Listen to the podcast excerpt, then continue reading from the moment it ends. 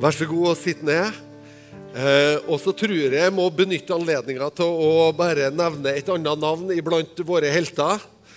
Eh, for jeg har jo sett både en, eh, Torstein og en Tor da, i action med å stå og peke og kommandere. Eh, men eh, Olaf Rød han har også vært en aktiv eh, meisler og iverksetter og arbeidskar. Jeg har sett en Olav Rød i ikke like finstad som han er i dag, men nedstøva og, og skitten for at vi skal få en heis. Så jeg syns også eh, Olav Rød må få en eh,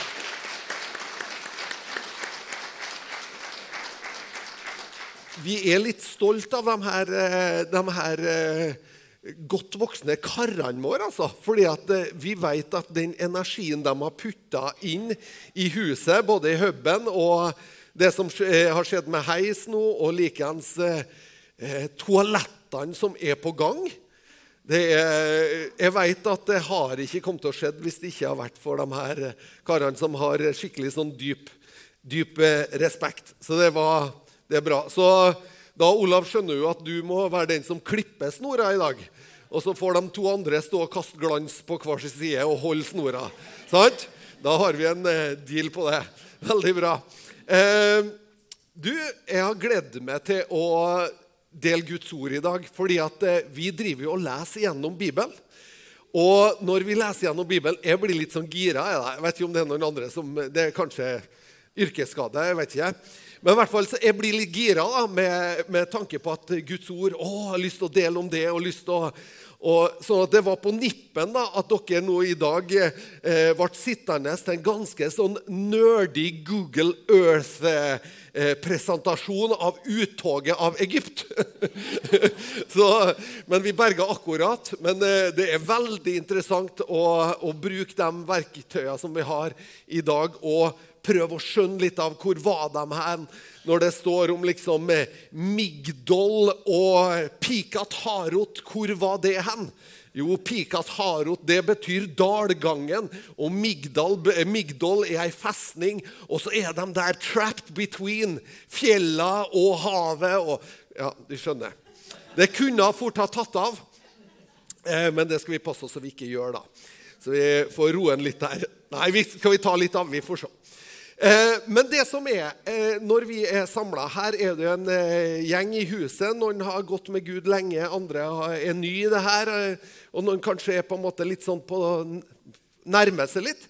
Og det er fint, samme hvor vi er. Men det som er litt spennende, det er hvor mange av oss som er her i salen i dag, har ved noen anledning opplevd at Gud har rørt ved deg på en sånn måte at du har blitt helbreda. Skal vi se Hvis jeg bare holder hånda godt opp Dette er ganske mange som har opplevd det. Sant? Det er ganske mange i en sal som løfter hånda og frimodig sier 'Det har jeg opplevd'. Eh, men det er også ganske mange vi trenger ikke å ta noen håndsopprekning på det, men det er også ganske mange av oss som har opplevd at vi har stått i sykdom og ikke har blitt helbreda. Stemmer det? Ja. Det er også mange av oss sånn at vi har et eller annet sånn eh, begge deler. Vi har et eller annet med denne trosvandringa vår som er et litt sånn både-og. Og jeg tror at eh, det er viktig for oss å snakke sant om både og, uten å dra ned forventninger. Kan vi snakke sant om både og i kirka vår, og samtidig ha en høy forventning til at Gud er her midt iblant oss for å løse situasjonene? Vi vet når han Jan deler med oss om Olli sin bortgang, så vet vi også alle de bønnene som vi var med og ba for Olli. Men vi trenger å ha en teologi som på en måte står seg i både og. Er du enig med meg i det? At det kan være spennende. Og spesielt eh, Jeg kommer jo ifra, Jeg kommer jo fra trosbevegelsen, vet du. Så jeg er jo oppflaska med tro. Og jeg er jo en sånn skikkelig oppskrudd fjær altså, når det gjelder å tro Gud. Eh, og jeg tror det er veldig sunt å ha et perspektiv av forventning til Gud og holde Guds ord høyt. og Whose report shall I believe? sant? Hvem skal jeg høre på? Skal jeg høre på Guds ord, eller skal jeg høre på omstendighetene? Og jeg tror mange ganger at vi kan være i en posisjon der vi kan være med å forandre de omstendighetene. Men så er det også et sånt eh, En del av det er på en måte litt sånn at eh, Ja, var det sånn at det Gud kom med, var på en måte at han lovde oss at alt skulle være plankekjøring, og alt skulle gå greit? Nei, det var ikke det heller. Det var ikke bare liksom at det, det fikses. Kom til Jesus, så fikser det seg. En gang Vi har sånn over-advertisement for Jesus. Kom til Jesus, og alt ordner seg. Sant? Er det noen som har hørt vitnesbyrda? Og så vet du liksom Eh, hva var det jeg misforsto, for alt ordna seg ikke. Eh, men jeg tror det er viktig at vi leser Guds ord, og at vi får den innsikten. Bli med meg til Matteusevangeliet, det ellevte kapittelet. En del av det som vi har lest i bibelleseplanen vår denne uka. Her er det kanskje Johannes, døperen, som på en måte kommer litt sånn i tvil. Han veit ikke helt hvordan det her ser ut, fordi at eh, han på lik linje med så mange andre hadde visse forventninger til denne Messias som skulle komme. Og Han har jo gått uh, høyt ut på banen og proklamert at Jesus er den Messias som skulle komme. Men allikevel så er det sånn at uh, han på en måte blir kasta i fengsel. da midt oppi der. Han blir kasta i fengsel, og liksom nå, nå, når alt skulle bli bra Så plutselig så befinner han seg i fengsel, og, og han som liksom tenkte at når, når, Messias kommer, da blir jo det, han, det, det er jo den store frigjøreren som kommer. Så da blir på en måte Johannes litt sånn eh, Jesus, har jeg misforstått nå? Så han sender noen av eh, sine disipler eh, til Jesus. Og så spør disiplene på vegne av Johannes er du den som skal komme, i kapittel 11 og vers 4, kanskje det. Er du den som skal komme, eller skal vi vente en annen? Her er det kanskje en litt skuffa Johannes i fangehullet som sender denne beskjeden. Og Jesus sier og svarte dem og sa, Gå og fortell Johannes alt dere hører og ser. Blinde ser, lamme går, spedalske blir rensa, og døve hører. Døde blir vekka opp igjen. Evangeliet blir forkynt for de fattige. Wow! Wow, det er så mye som skjer. Johannes, det er så mye som skjer. Vi er vitner. Vi så det jo. Vi kom dit. Vi så det. Det var wow! Fantastisk. Men husk også å hilse Johannes ifra meg og si Salig er den som ikke tar anstøt av meg. Dette er en personlig hilsen til Johannes, som sitter i fengsel. Johannes, sjøl om ikke alt blei sånn som du hadde tenkt, salig er du hvis du fortsatt klarer å ikke ta anstøt til meg. Kanskje Johannes hadde bedt sine bønner i det her fangehullet om at Gud skulle komme og fri ham ut. At Gud skulle gjøre noe med hjertet til Herodes som gjorde at han ble fridd ut og satt i frihet. Jesus sender en hilsen til Johannes og sier, 'Johannes, bare tenk at det her er undra og tegna du trenger å se for å vite at det er den som skal komme. Men salig er du om du ikke tar anstøt av meg. Om du klarer å se det, Johannes, at jeg kommer ikke til deg med den frelsen. Jeg kommer ikke til fangehullet ditt, jeg kommer ikke dit og ordner opp for deg. Veldig mange ganger så ønsker vi å ha en frelser som stiller opp på oss. som på en måte er der på kort varsel, og som stiller opp på en måte som vi Ja, men du, vi vil at du skal gjøre det på denne måten. Vi vil at du skal komme til oss på denne måten, og vi vil at bønnesvaret skal se sånn ut. Men salig er du om du ikke tar anstøt av det. Så på samme måte som dette er en hilsen til Johannes i fangehullet, så er det også en hilsen til oss. At ja, vi vet det er mange ting som skjer. Vi vet det er Der er det helbredelse, og der er det under, og der gjør Jesus ting. Men om en da ikke kommer og løser akkurat den situasjonen som jeg står i, så jeg er salig hvis jeg allikevel klarer å løfte blikket og se en høyere hensikt, eller å våge å overgi det til Gud i alle fall. Og si, 'Gud, det her har du kontroll på mer enn meg.'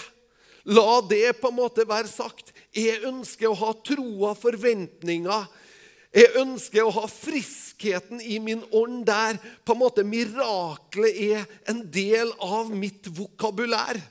En del av mitt forventningsmønster er mirakelet, helbredelsen. Det er et Guds inngripende. Men så har jeg også med meg Gud, hvis ikke du gjør det, så veit jeg at det som venter meg, er langt saligere enn det her, i alle fall. Noen ganger er det sånn med oss, jeg vet ikke om det er noen andre med, men har du noen gang blitt kjent med nye mennesker? Det er alltid spennende med nye mennesker, ikke Ja. Har du noen gang blitt Dette er litt av et spørsmål, da. Men har du noen gang blitt kjent med nye mennesker der liksom du hadde høye forventninger, og så ble du skuffa? For et fælt spørsmål. Hæ? Har vi vært der, liksom? Annika har vært der. Du Ja. Ja. Vi har vært der, altså på en måte, å, Her kan det bli et fint vennskap. Og sånt der. Og så er det noe med dem som skuffer deg. Sånn? Ja, det, Vi opplever jo sånne ting. Men jeg tenker også det at er det sånn noen gang vi har det overfor Gud òg?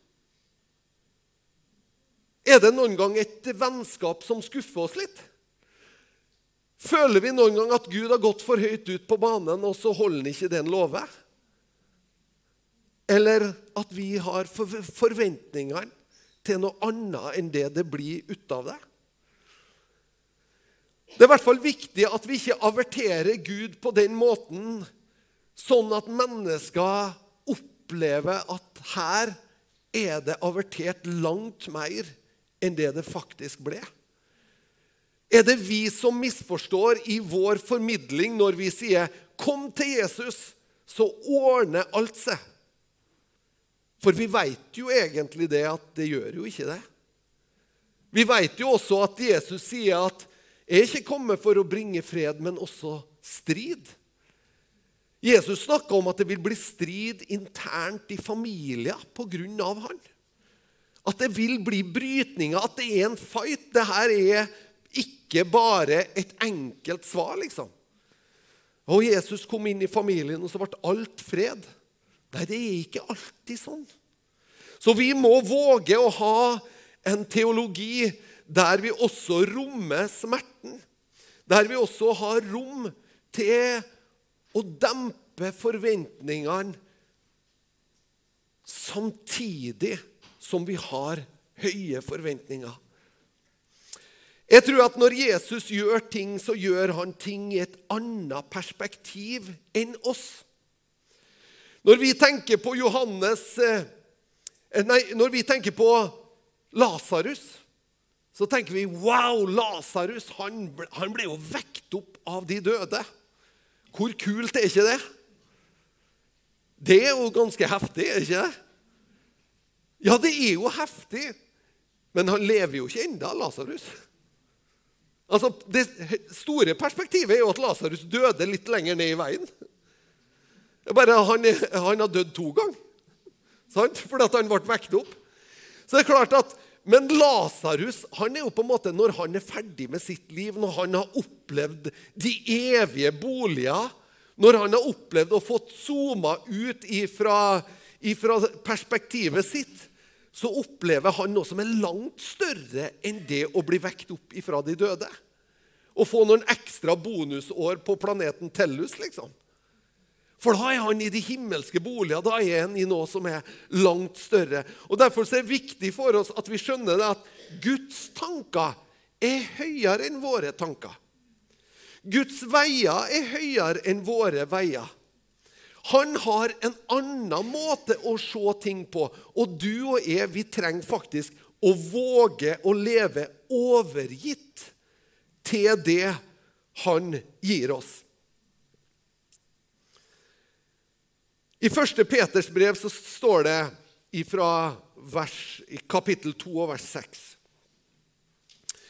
Derfor heter det også i Skriften Se, jeg legger i Sion en hovedhjørnesten, utvalgt, dyrebar, og den som tror på ham, skal slett ikke bli gjort til skamme.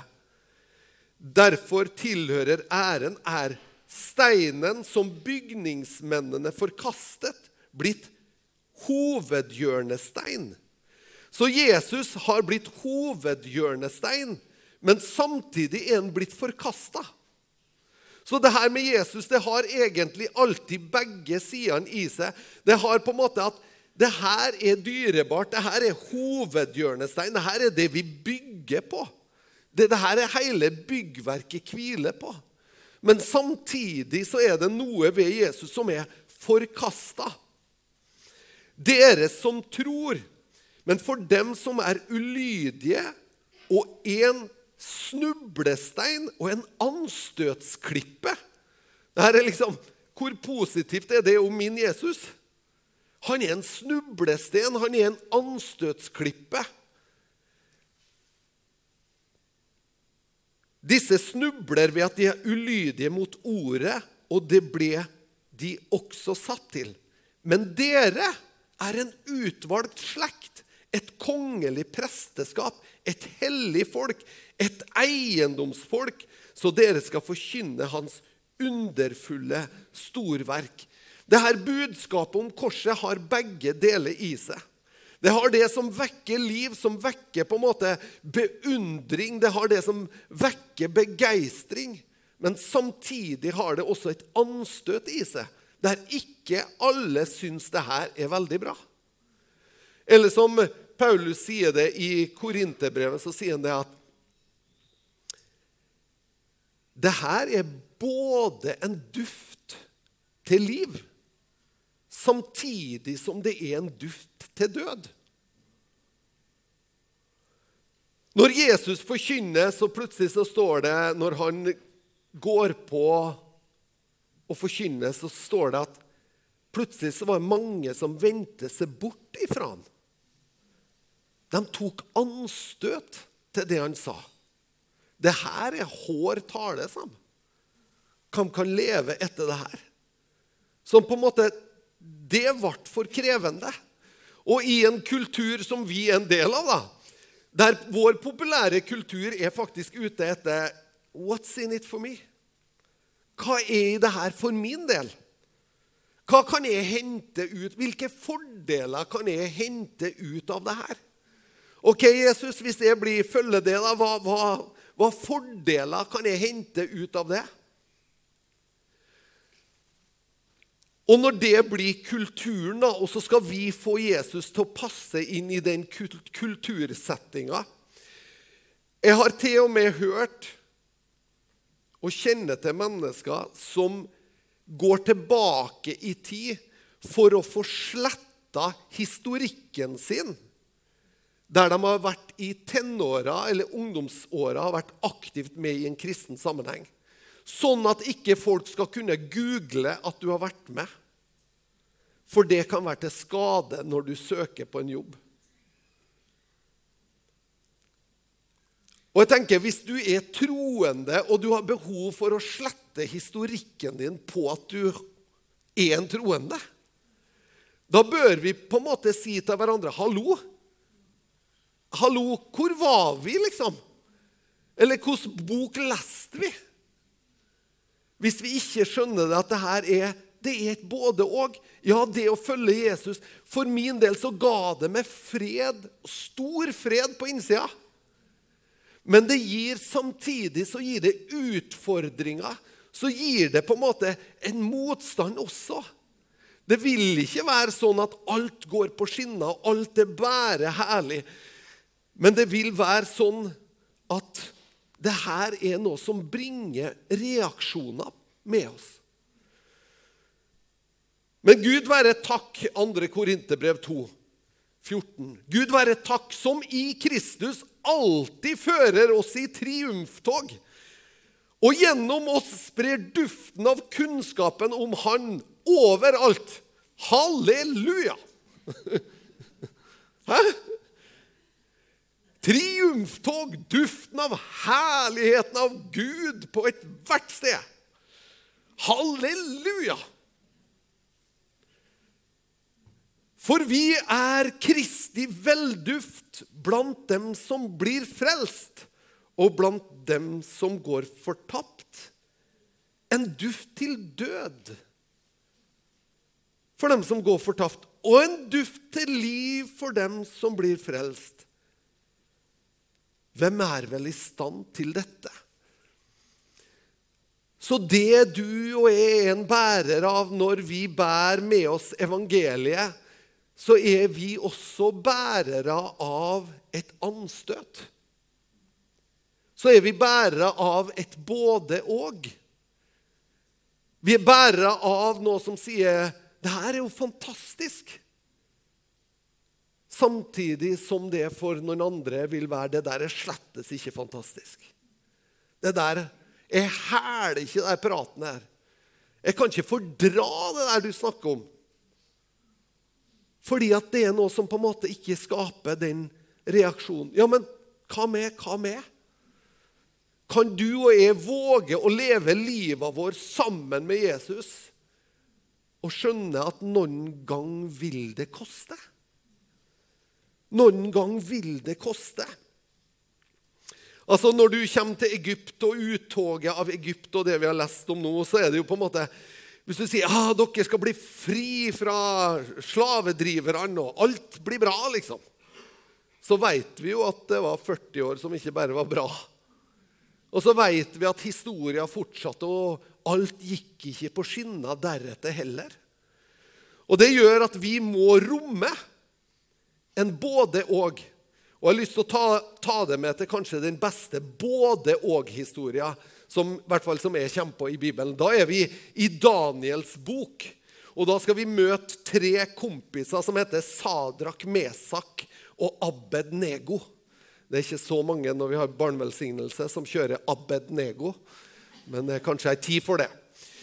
Abed Nego. Men de her guttene da har så Nebukaneser han har bygd ei svær billedstøtte i gull.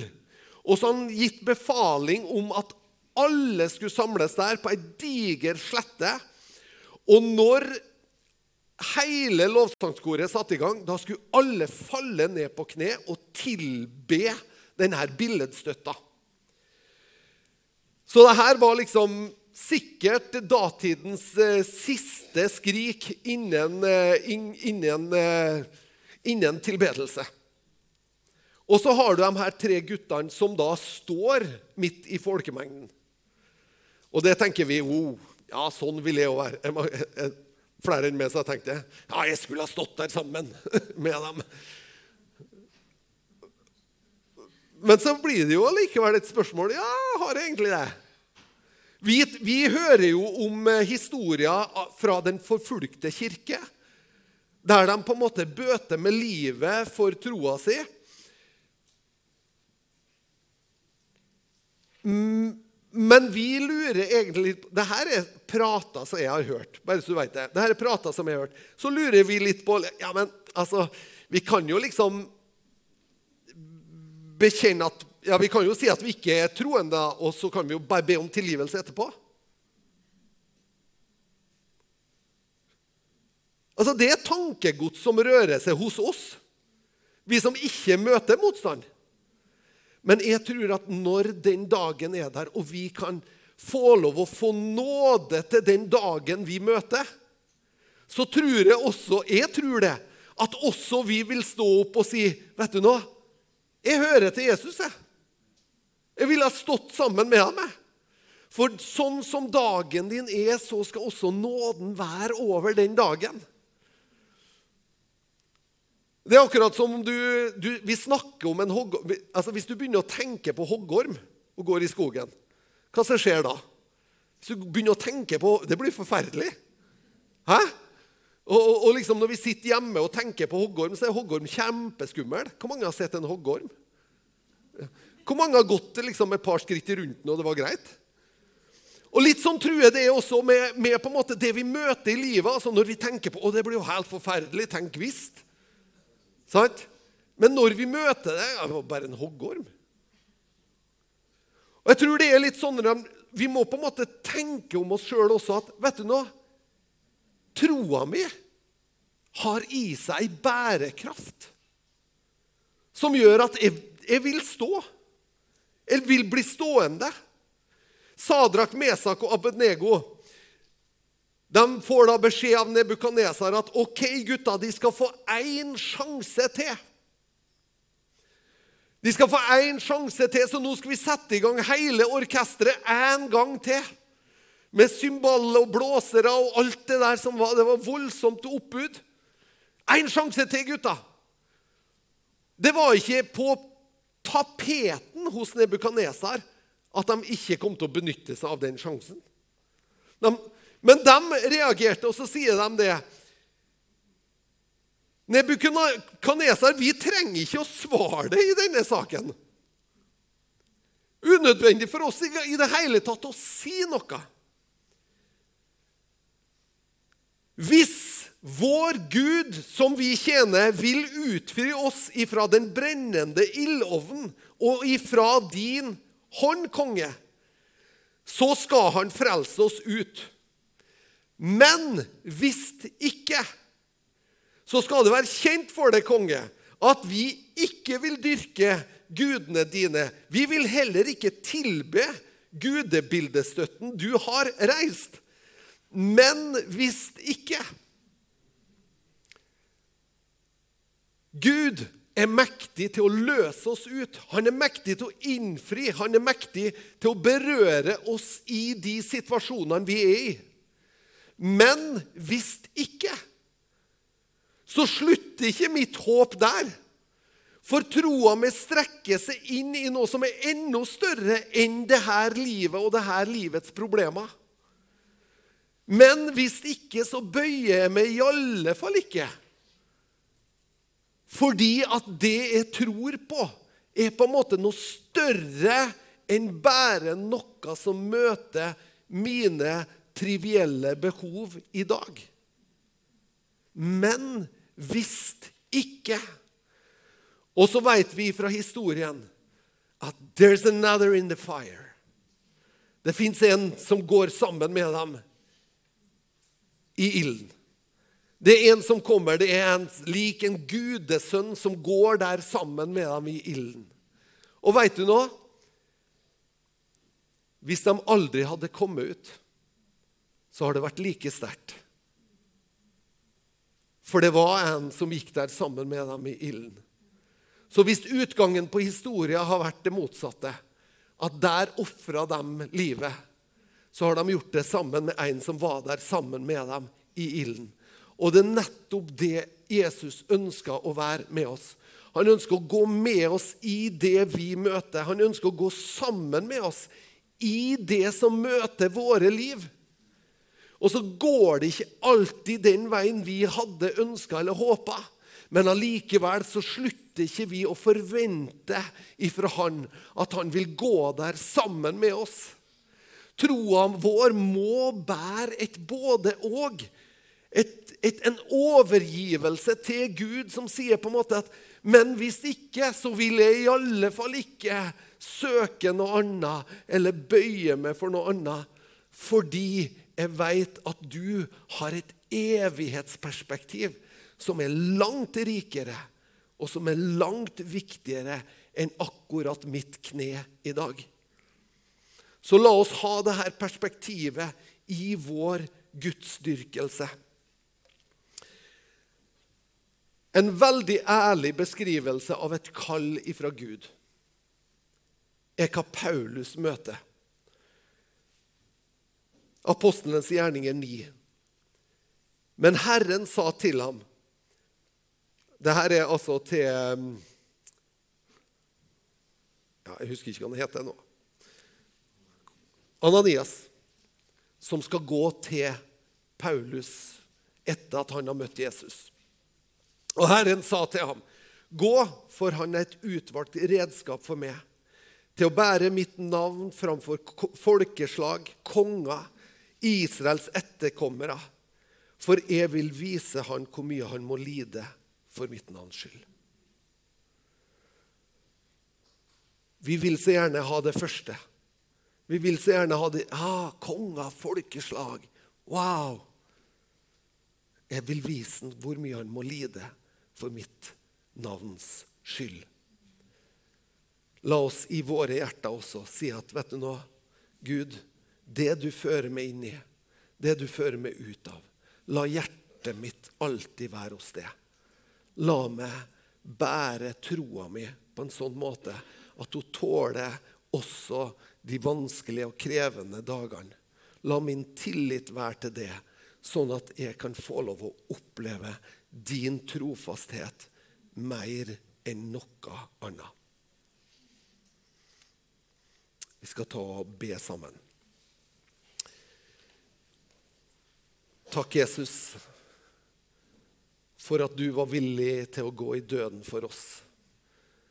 At du var villig, og at det står at du har bana en ny og levende vei for oss alle sammen inn for Gud, vår far. Og at du har åpna den veien med din nåde for oss alle sammen. Og det står at vi kan komme trygt og med tillit og med frimodighet og be innenfor den tronen av nåde. Og så bare ber jeg, Herre, at du skal ta oss med på en menneskelig erfaring av din godhet, Herre, og din trofasthet i alle ting i livet. Takk, Herre, at du er den som helbreder alle våre sykdommer. Du er den som renser oss ifra all urettferdighet. Du tilgir all vår skyld. Du løfter av oss all vår skam. Vi takker deg for det, Herre. Vi takker for din trofasthet, Herre, som er uten grenser imot oss. Så ber vi også, Herre, om å få lov å se din nåde, Herre, der vi kanskje ikke forstår den. At vi ikke skal ta anstøt av det når vi ikke opplever at svaret går i hop. Hjelp oss, Herre, å styrke troa vår, Herre, sånn at eh, vi også de dagene, Herre, når eh, skyene ikke forsvinner, når problemer ikke opphører, når sykdom fortsetter å plage, at vi holder blikket festa på det. Og at vi får lov å ha ditt perspektiv i vårt blikk også. Jeg ber om det, Herre, i Jesu Kristi navn. Takk for din godhet over oss mennesker. Takk for din nåde over oss, Herre.